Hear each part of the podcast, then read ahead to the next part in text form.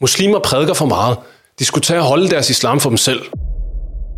Den har I sikkert hørt før. Men hvis ingen kalder til det, som er sandt og rigtigt, hvordan skulle alt det, som er forkert i verden, så nogensinde ændre sig? Og har man i de vestlige samfund et reelt problem med, at der prædikes? Vi prædikes der til at præges hele tiden, når det gælder vores forbrugsvaner, når det gælder adfærd og normer. Og man har i hvert fald fra politikernes side heller ikke noget problem med at prædike tanker og værdier over for muslimerne. Heller ikke dem, der befinder sig langt, langt væk i deres egne lande. Det er bare først, når man kalder til religiøse værdier, og specifikt islam, at de negative betegnelser hives frem. Så er det religiøs mob mobning, og det er negativ social kontrol, det er radikalisering, så skal du stoppe din prædiken. Men det har altid været sådan. Alle Allahs profeter salam, mødte lignende beskyldninger. Profeten Muhammad sallallahu alaihi wasallam er ingen undtagelse. Han blev kaldt en løgner, en troldmand med ord. Han sallallahu alaihi wasallam blev kaldt sindssyg, og han blev beskyldt for at splitte folk og familier med sit kald. Alt sammen fordi han kaldte til islam, fordi han bare dager. De her markader og beskyldninger er lige så tomme og hykleriske i dag, som de var dengang. Og de bør ikke skræmme os. Hør i stedet, hvad Allah subhanahu wa ta'ala der siger,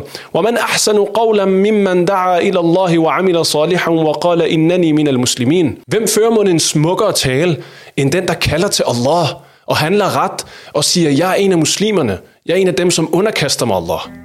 Så kald til islam, bær dager til folk og gør det med stolthed.